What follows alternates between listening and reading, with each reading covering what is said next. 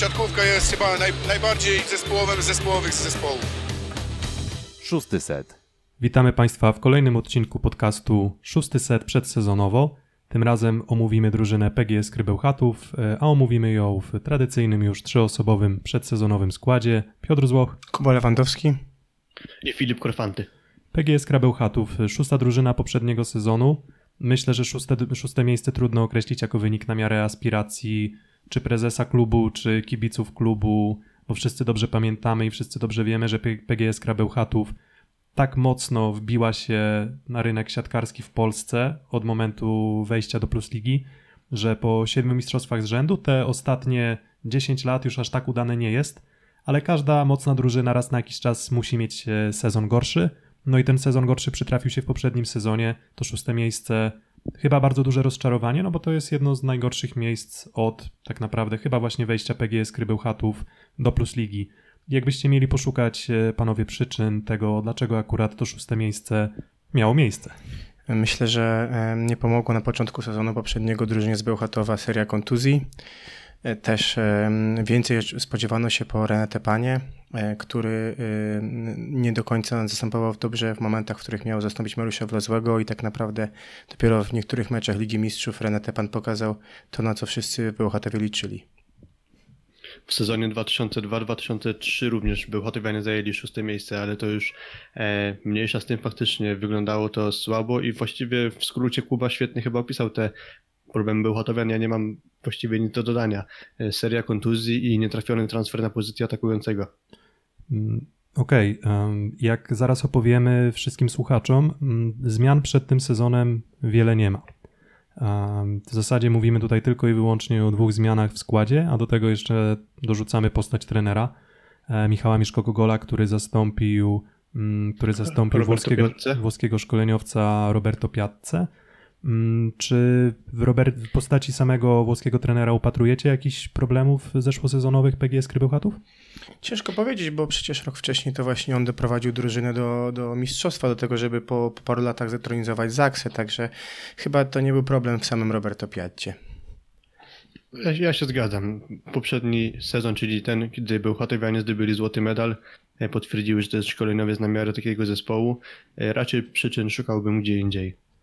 Dobrze, i jeżeli nasza diagnoza faktycznie jest diagnozą trafną, no to chyba w dość podobny sposób do budowania składu na kolejny sezon podszedł e, prezes klubu Konrad Piechocki i oczywiście nowy trener PGS Krybełchatów Michał Mieszko-Gogol, gdyż tych zmian, jak już wspominałem, bardzo dużo nie ma. No i to może opowiedzmy o tych zmianach krótko, bo nie ma bardzo dużo o czym mówić. My akurat w tym odcinku chyba będziemy mogli się mocniej skupić na tym, jak oceniamy potencjał PGS Krybełchatów na poszczególnych pozycjach. Mm, No i może zacznijmy od pozycji przyjmujących. Tutaj bez żadnych zmian. Mm, To znaczy, zmian można chyba tylko upatrywać w tym, jaką formę będą prezentować i jakie zdrowie będą mieli poszczególni zawodnicy, ale jeżeli chodzi o skład personalny, tutaj zmian żadnych nie ma. Milat Ebadipur, Artur Szalpuk, Piotr Orczyk oraz Milan Katic, czyli cztery postaci z poprzedniego sezonu, zostają w PGS Krzebełchatów na kolejny sezon. I no jak oceniacie potencjał akurat takiego zestawienia? No i, no i czy, czy będzie lepiej niż w poprzednim sezonie, bo chyba, chyba musi być. Chyba powinno być, bo e, trzeba powiedzieć otwarcie, że dla Artura Szalpuka poprzedni sezon po sezonie kadrowym był trudny pod względem zdrowotnym. Widać było, że ten pierwszy sezon, który spędził w pełni na kadrze, e, mocno, e, mocno pozbawił go sił i, i potem to w sezonie ligowym bardzo mocno oddziaływało na jego formę, na jego dyspozycję i na to, jakie miał e, statystyki. E, Milat Abedipur również e, początek poprzedniego sezonu nie może zaliczyć się najbardziej udanego i, i to był pewien problem. Zastanawiam się, czy znowu nie powtórzy się ta historia, bo obaj panowie do tego dnia de facto byli na Pucharze Świata i chyba dzisiaj albo dopiero jutro wracają do klubu i de facto z marszu będą musieli przystąpić do rywalizacji. Druga para, czyli Piotr Orczyk i Milan Katic, no wyraźnie odstaje od tej dwójki, co było widać w meczach, kiedy musieli podstawową dwójkę w ubiegłym sezonie zastąpić. A wygląda na to, że na początku sezonu właśnie na Milana Katicia i Piotra Orczyka głównie będzie musiał liczyć Michał Mieszko-Gogol, bo tak jak mm, Kuba wspomniałeś, Ebadipur i Szalpuk są dopiero e, w drodze do dołączenia do zespołu. E, W przypadku Ar- Artura Szalpuka dosyć morderczy sezon, bo najpierw Liga Narodów, nie w pełnym wymiarze, ale jednak. Później turniej kwalifikacyjny do Igrzysk Olimpijskich, Mistrzostw Europy, Puchar Świata. E, Bardzo dużo tego grania, no i o ile w poprzednim sezonie Artur Szalpuk sezonu tego, tych rozgrywek ligowych do zbyt udanych nie może zaliczyć, tak teraz są przesłanki, że e, również, przynajmniej nie na pełnym dystansie, będzie w swojej najlepszej dyspozycji, aczkolwiek na kadrze wygląda dobrze. Tak, tylko tyle, że w przypadku Artura Szalpuka raczej właśnie faktycznie powinniśmy mówić o mm, może jednostkach treningowych, które może czuć w nogach po sezonie reprezentacyjnym, no bo on podstawowym przyjmującym nie był. Nie mówię, że nie grał, bo oczywiście grał i, i, i, i w Pucharze Świata, i, i w Mistrzostwach Europy, mm, i, i, i w Lidze Narodów, tak jak Filipie wspomniałeś, Mm, ale to nie był zawodnik, który akurat od deski do deski zagrał wszystko. Ja zdaję sobie sprawę z tego, że akurat treningi potrafią być czasem bardziej męczące od spotkań, a na pewno takich spotkań, jakie reprezentacja Polski zagrała na Mistrzostwach Europy. Ale, ale myślę, że tak czy inaczej to zmęczenie będą odczuwać i Milate Badipur i Artur Szalpuk. No i tak nawet na przykładzie tutaj irańskim, no to Sejed Musawi w Pucharze Świata nie zagrał. On miał dwa tygodnie odpoczynku i dołączył do Indykpolu AZS-u Olsztyn. A Milate Badipur faktycznie z marszu będzie musiał mm, albo kontynuować tę formę, którą udało mu się zbudować na Puchar Świata, albo faktycznie będzie w jakimś tam dołku fizycznym, albo ten dołek fizyczny przyjdzie po kilku kolejkach. Mm, ja tak się zastanawiam jeszcze w kontekście Piotra Orczyka i, i, i właśnie Katicza, mm, a może nawet bardziej Piotra Orczyka. Mm, Ten pierwszy sezon faktycznie mógł być trochę trudny dla Piotrka, z tego względu, że no to był pierwszy sezon e, po powrocie z Belgii, więc trochę powrót do wymagań e, plusligowych. Mm, Czy uważacie, że oni mogą świadczyć nieco mocniej o sile PGS Krybełchatów w tym sezonie? Czy uważacie, że to są zawodnicy, którzy, nie wiem, pokażą większą, większą, nie wiem, pełnię swoich możliwości albo większe możliwości w tym sezonie? Myślę, że Katic ma taki potencjał, bo e, widać było również w czasie sezonu reprezentacyjnego, że to jest zawodnik, który potrafi e, wziąć na siebie ciężar gry i w tych meczach, w których on wyglądał w poprzednim sezonie i grał, wyglądał w mojej ocenie lepiej od Piotra Olczyka. Zastanawiam się, czy w zestawieniu z Libero Kacprem Piechockim akurat Milan Katic nie będzie zbyt dużą e, luką w przyjęciu, a to jest chyba główny mankament tego zawodnika, dlatego stawianie na Serba e, w parze właśnie z Kacprem Piechockim no może być bardzo ryzykowne, nawet pomimo tego, jeśli Serb by dawał dużo w innych elementach. Tak, ja mam trochę ten pro, mam problem z, takimi, z tymi zawodnikami, że w zasadzie ja nie wiem do końca, w czym oni są dobrzy. Mm, Znaczy, dobrzy, czy, co jest ich, to znaczy, co, to- są dobrzy zawodnicy, ale w czym jest ich e, cecha wyróżniająca, tak naprawdę, jakbyście mieli wskazać może, e, może słuchaczom. No Piotrze zawsze mówiło się, że ma dobre przyjęcie, tak? I, i w meczach, kiedy grał w tej, w tej trójce Katic, Piechocki i on, to chyba był najpewniejszym e, punktem w tym elemencie. No ale z kolei zdarzało mu się odstawać trochę w ataku, więc mi się wydaje, że to jest zawodnik, który jest dobrze wypośrodkowany, ale nie wyróżnia się znacząco w żadnym elemencie. A tak jak powiedziałem przy tym przypadku Katicia, no to trochę to przyjęcie moim zdaniem tutaj jest jego e, wyraźną słabością. Mm, No to przejdźmy może do pozycji atakujących. Tutaj legenda PGS Krybełchatów, legenda ligi, legenda reprezentacji mm, Mariusz Wlazły. Tyle tylko, że te legendy mają to do siebie, że w pewnym momencie trochę się pokrywają, pomniki pokrywają się patyną.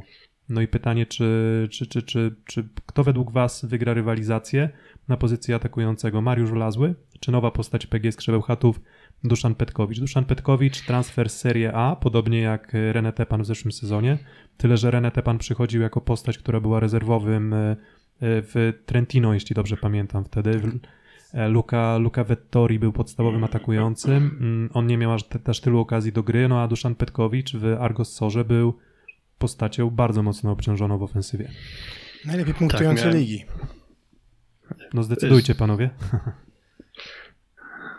Mogę zabrać głos, jeśli Kuba pozwoli. Jak najbardziej. E, niedawno, niedawno miałem e, okazję rozmawiać z Michałem Kędzierskim, robiłem z nim wywiad, a to zawodnik, który był rozgrywającym drużynie Duszana Petkowicza w Serie A. E, I powiedział, że Duszan Petkowicz to był ich lider mentalny i lider sportowy i jego zdaniem to jest zawodnik na miarę gwiazdy Serie A. Więc bardzo pozytywne recenzje. Oprócz tego to był zespół tak zbudowany, że siła ofensywna była oparta na Joao Rafaelu, czyli jednym z przyjmujących, i właśnie na Petkowiciu. Znaczna większość piłek adresowana do tej dwójki, a sam Duszan Petkowicz spędził na boiskach Serie A już dwa sezony.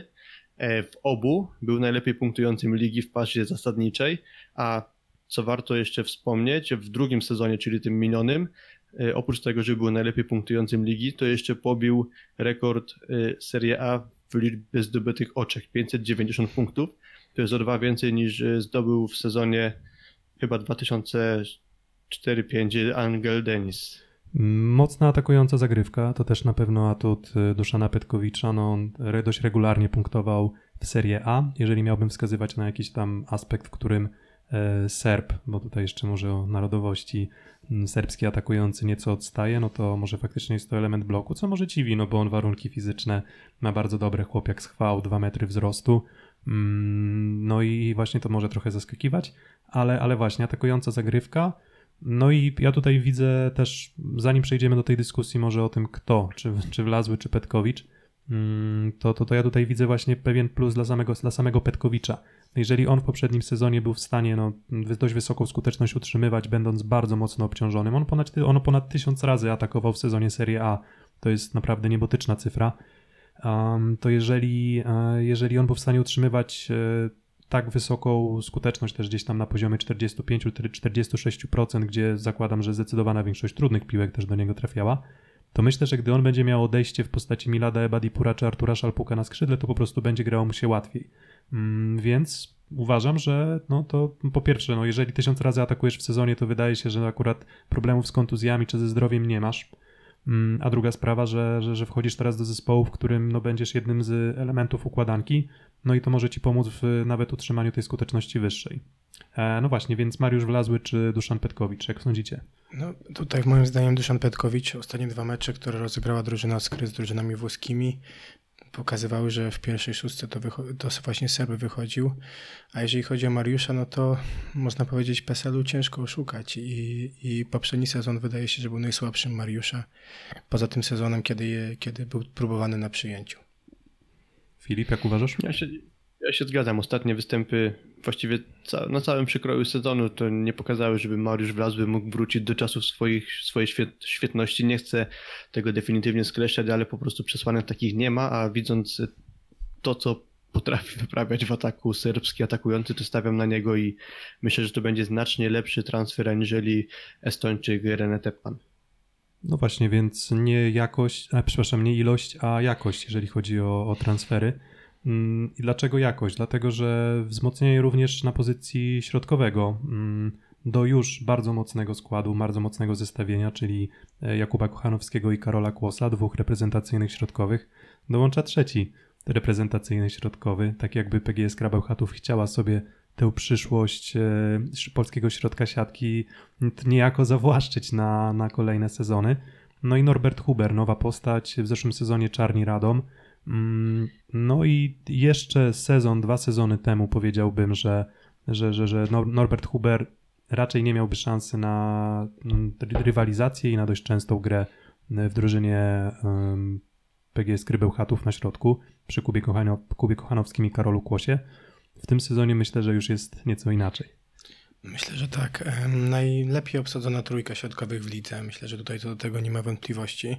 Wszyscy trzej y, do tego momentu byli na Pucharze Świata, co sprawiało też pewne problemy szkoleniowe trenerowi Gogolowi, bo była potrzeba tutaj poszukania środkowych do treningu. Wojciech Sobola pomógł i dołączył i również wystąpił w tych dwóch ostatnich meczach towarzyskich, co może stanowić na początku sezonu pewien problem dla, i dla Grzegorza Łomacza i dla, i dla drużyny, że, że, że ci środkowi przez cały okres praktycznie e, letni poza Norbertem przebywali na reprezentacji. E, Natomiast jeżeli chodzi o tą trójkę, niesamowicie wyrównana trójka i, i każdy z nich ma różne atuty, każdy z nich w poprzednim sezonie miał różne momenty, tak jak różne momenty miał nawet i w sezonie kadrowym. Filip? A to oprócz tego jeszcze można nawiązać do tego, co powiedzieliśmy wcześniej, czyli Duszan Petkowicz faktycznie atakował ponad tysiąc razy w Serie A, a tu już nie będzie tak jak w Sorze, gdzie on był jedną z dwóch głównych strzelb, a cała trójka atakujących wydaje mi się, że e, jest dobra i elastyczna w ataku, więc Grzegorz Łomar będzie mógł oprócz tego, że korzystać z Serba, z Ebadipura, Szapuka, którzy w ataku po prostu są, krótko mówiąc, ok, no i jeszcze będzie odejście w postaci ataku środkowych.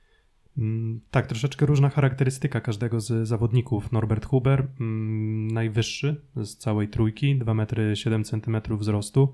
Mm, I teraz rzu- rzucę tezę być może kontrowersyjną, ale, ale myślę, że też na miejscu po sezonie kadrowym, który nie był udany dla Kuby Kochanowskiego. On był bardzo udany dla Karola Kłosa, ale jego akurat zostawiłbym na chwilę, no odłożyłbym na bok e, akurat jego postać. Jeszcze, tak jak wspominałem, dwa sezony temu nie powiedziałbym, że Norbert Huber w ogóle jest w stanie nawiązywać potencjałem i grą swoim maksem do postaci Kuby Kochanowskiego. No Kuba Kochanowski jednak złote dziecko polskiego e, środka siatki, tak? To jest, e, no, no wydawa, wydawało się, że to jest akurat taka postać, która pojawia się raz na kilka lat na, na środku siatki. A tutaj niespodziewanie Norbert Huber, e, rozwijając się pewnie troszeczkę wolniej, tak? No bo, bo może tak jak są, są takie teorie, które mówią, że są talenty głośne i są talenty ciche. Norbert Huber no, był tym talentem, ale on potrzebował chyba jednak tego, jeszcze tego jednego sezonu więcej, żeby dobić do poziomu, który, który prezentuje Kuba Kochanowski. No i teraz, czy uważacie, że sufit Norberta Hubera jest y, wyżej niż Kuby Kochanowskiego? Nawiązuje tutaj również do warunków fizycznych. Myślę, że jest bardzo porównywalny. No tutaj y, najciekawsza historia jest taka, że oboje byli pierwszoszustkowymi środkowymi w drużynie Sebastiana Pawlika i wydaje mi się, że tutaj tak będąc po środku ich potencjał jest bardzo podobny. Trochę inna charakterystyka, bo, bo Norbert y, ma zupełnie inną zagrywkę, flot, chociaż ona też jest trudna. Kuba Kochanowski w swoich najlepszych momentach tą zagrywkę silną z wyskoku ma bardzo dobrą i skuteczną i często głównie w Olsztynie tym punktował, więc tutaj bym postawił między nimi znak równości, jeżeli chodzi o ich potencjał. Tak, jeszcze jak śledziłem tych zawodników na poziomie mistrzostw, e, mm, znaczy nie, mistrzostw tak, e, świata i kadetów, e, mistrzostw świata i Europy kadetów i juniorów, ta dwójka tam była podstawową parą, to tak miałem wrażenie, że jest trochę za plecami Kuby Kochanowskiego Norbert Huber i to przez pierwsze sezony ich na poziomie plus ligi wyglądało podobnie, ale już w ostatnim Norbert Huber dawał powody do tego, żeby jednak dawać mu większe szanse na e, dużo, dużą karierę, tak krótko mówiąc. I teraz już nie jestem w stanie ocenić, który z tych zawodników ten sufit będzie w stanie do, sięgnąć wyżej. Piotra, jak ty uważasz? Mm. No właśnie dlatego, dlatego, zada, dlatego zadałem to pytanie, bo ja zaczynam powoli przekonywać się do tego, że mm, okej, no Kuba Kochanowski mm, miał po prostu nie do końca udany sezon reprezentacyjny. Ja się nie zgadzam, że on miał nieudany sezon ligowy, no bo on mimo wszystko no, prezentował się bardzo dobrze. Nie aż tak dobrze jak jeszcze rok wcześniej w Indykpolu AZS-ie, ale mimo wszystko to był jego dobry sezon. Ale jeżeli chodzi o sezon reprezentacyjny, no to coś tam było nie tak. Nie wiem, czy to problemy z kontuzjami, czy, czy, czy, czy, czy jakiś tam dołek formy. No on też na pewno, jeżeli wyjdzie, jeżeli wyjdzie z tego dołku, dołka formy, to, to on wyjdzie silniejszy. Mm, przy czym, no mówię, też, też raczej postawiłbym tutaj znak równości pomiędzy, pomiędzy dwoma bardzo zdolnymi zawodnikami.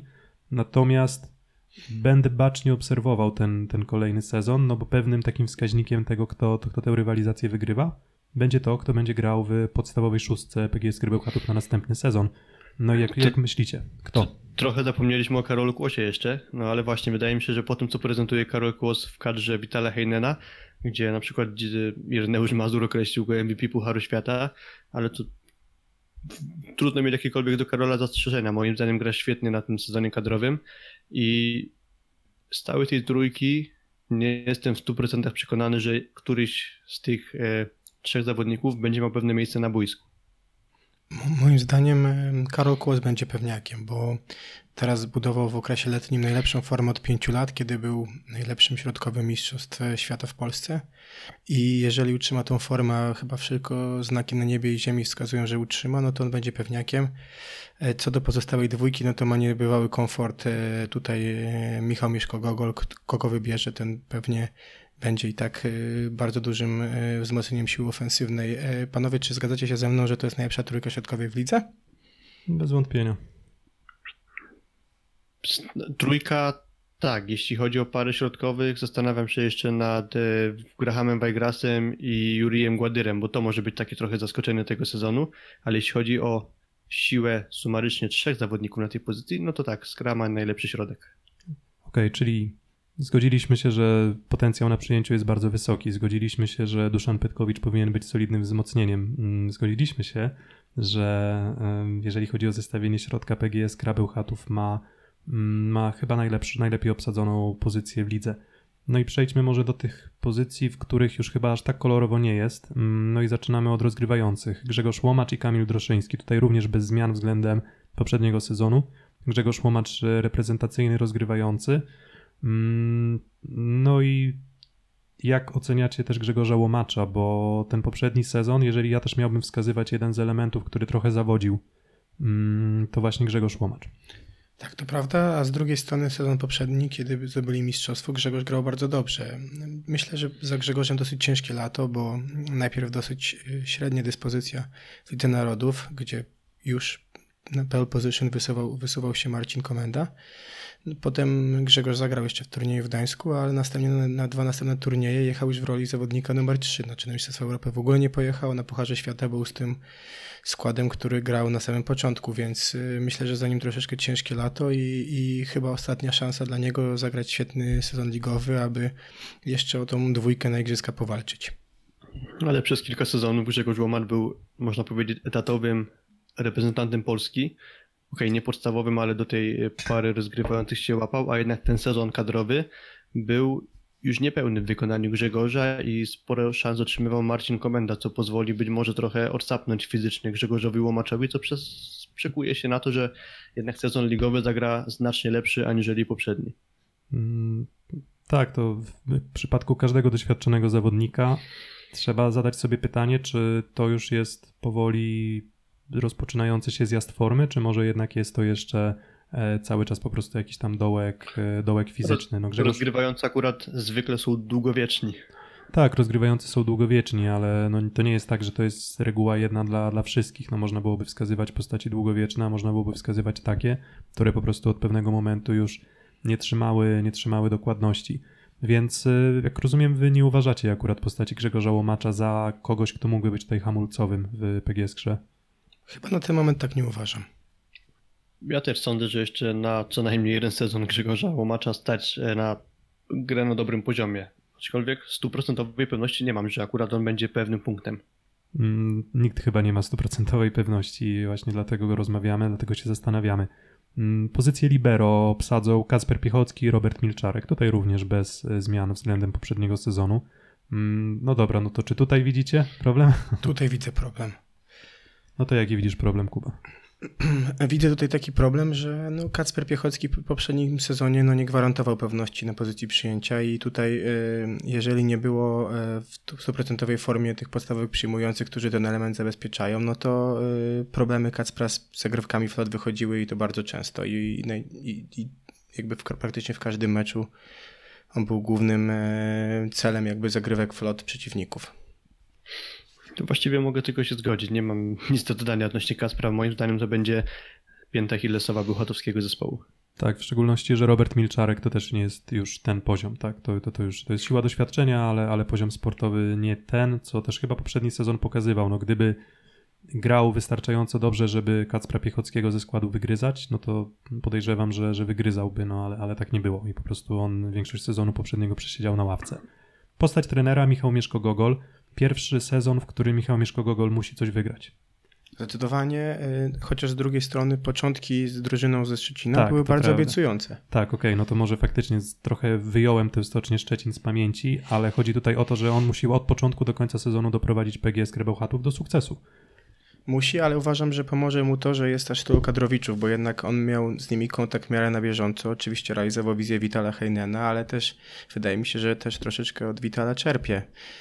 To, co wynika między innymi z tego, co, co przekazuje w wywiadach, więc może być tak, że fakt tak wielu reprezentantów może być dla niego pomocny. Jeśli założyć, że Norbert Huber jednak większość czasu spędzi na ławce, to właściwie zostanie mu do dopasowania względem poprzedniego sezonu tylko jeden element w postaci Petkowicza, więc tu akurat jakoś ten zespół nie został przywrócony do góry nogami i być może jakoś dużo do kombinowania nie będzie. Pierwszy sezon, w którym Michał Gogol musi coś wygrać, myślę, że ze Szczecinem też już coś musiał wygrać, bo to nie był jego pierwszy sezon w roli pierwszego szkoleniowca, no ale zakończyło się jak zakończyło. Siłą rzeczy nie miał okazji dograć tego sezonu do końca.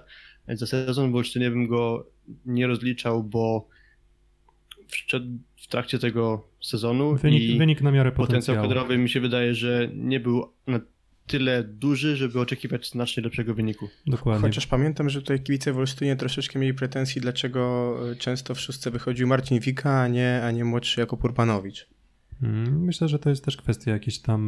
mm, Nie chcę zarzucać braku obiektywizmu, no ale na pewno Michał Mieszko-Gogol też Marcina Wikę znał, tak? Więc mm, zna, zna, znał ze Szczecina. On po prostu chciał mieć dobre...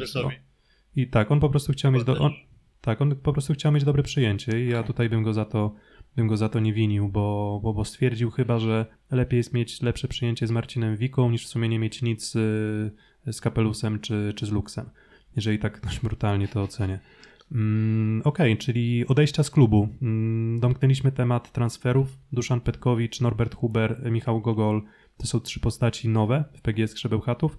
Jeżeli chodzi o odejścia z klubu, no to Roberto Piazza e, będzie prowadził Milan w tym sezonie, Mediolan. Michał Winiarski swój debiut trenerski na ławce Trefla Gdańsk. Z przyjmujących nikt nie odszedł, z atakujących René Teppan, mm, Stade Poitevin chyba, tak mi się wydaje, że tak się to powinno. Tak, zastąpi tam Johanna Szepsa. Tak, zastąpi tam Johanna Szepsa i wydaje mi się, że no, też sygnalizuje to trochę, jaki poziom sportowy Tak, prezentował tak, René. Teppan. Więc, Stuprocentowo. Mm, On, też został zakwalifika- zakwalifikowany do draftu do Ligi Koreańskiej, ale tam się nie stawił ze względu na kontuzję barku i ten początek sezonu był też jego przerywany ze względu na to, że ciągle go doskwierają mu problemy zdrowotne. mm, na środku siatki Patryk Czarnowski, Aluron Virtu CMC Zawiercie, nie Warta już, chociaż akurat Tak oni, oni, od, oni od Warty się nie odcinają. Problemy z kontuzjami w zeszłym sezonie, nie wiadomo jak będzie ze zdrowiem w tym sezonie. No i Dawid Fiel Rodriguez to jest postać, która e, w trakcie sezonu poprzedniego do PGS Grybełchatów dołączyła i on również we Francji w drużynie Turcoing, Turcoing. Turcroix. Nie wiem, nie wiem, nie, nie, nie, chcę, nie, chcę, nie chcę się mądrzeć, akurat języka francuskiego nie znam, więc, więc nie, nie, będę, nie będę jakoś specjalnie tego rozwijał. No i to w zasadzie tyle, nie, nic, żadnych, większy, żadnych większych odejść, żadnych większych strat PGS Bełchatów nie odnotowała. No już za chwilę porozmawiamy o tym, y, jak widzimy PGS Bełchatów i ich pozycję na koniec sezonu 2019-2020. Szósty set. No to jak widzimy tę pozycję na koniec sezonu? Lepiej niż w ubiegłym roku, na pewno. Em, moja ocena e, transferów letnich jest bardzo wysoka, bo wymieniono te elementy, które wyraźnie szwankowały. Dodano jakości do środka, gdzie tych zawodników było więcej, ale chyba prezentowali niższą jakość niż Norbert. Postawiono na zawodnika, który przez dwa sezony pokazywał na poziomie Serie A w drużynie słabszej duży potencjał, Mm, e, więc personalna, e, personalnie drużyna Skry wygląda bardzo dobrze i, i chyba celem drużyny jest zdecydowanie medal. Nie wiem, czy cele nie sięgają jeszcze wyżej do medalu złotego. Nie widzę PGS Krybełchatów na najwyższym pod- stopniu podium, ale mm, sądzę, że to jest zespół, który jest zdolny zdobyć medal. A dlaczego nie widzisz ich na najwyższym stopniu podium? Brakuje mi trochę odejścia na ławce rezerwowych na przyjęciu. Mile de Padipur i Artur Szalpuk mogą nie wytrzymać trudów tego sezonu, a ich zmiennicy w postaci Piotra Orczyka i Milana Katica to zawodnicy na niższym poziomie. Mm, No ja mimo wszystko uważam, że to jest drużyna na finał. Mm, I tak bym ocenił potencjał PGS Krybełchatów. E, Wiecie, jest jeszcze coś takiego, co się nazywa zjawiskiem powrotu do średniej. Nie wiem, czy jest wam znane. No jest. Um, to chyba Kahneman w, w, w właśnie swoim, swojej książce o psychologii, Daniel Kahneman opisywał ten mechanizm, a mianowicie, no jeżeli masz pewien swój poziom, określony potencjał, no to jeżeli zagrasz powyżej tego potencjału, to wysoce prawdopodobne jest to, że w końcu po prostu mm, wrócisz do swojego regularnego potencjału. Jeżeli zagrasz poniżej potencjału, to jest bardziej prawdopodobne, że wrócisz.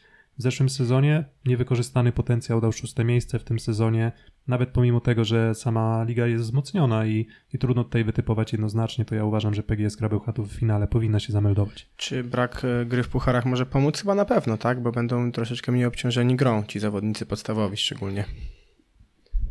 Mm, Na pewno tak, a a propos tego powrotu do potencjału jeszcze, no to sądzę, że Kacper Piechocki to nie jest zawodnik z potencjałem zdobywania regularnych mistrzostw Polski, a akurat jedno mistrzostwo Bełchatowianie z Kacprem Piechockim już zdobyli, więc może ten powrót do średniej będzie w tym przypadku trochę niżej.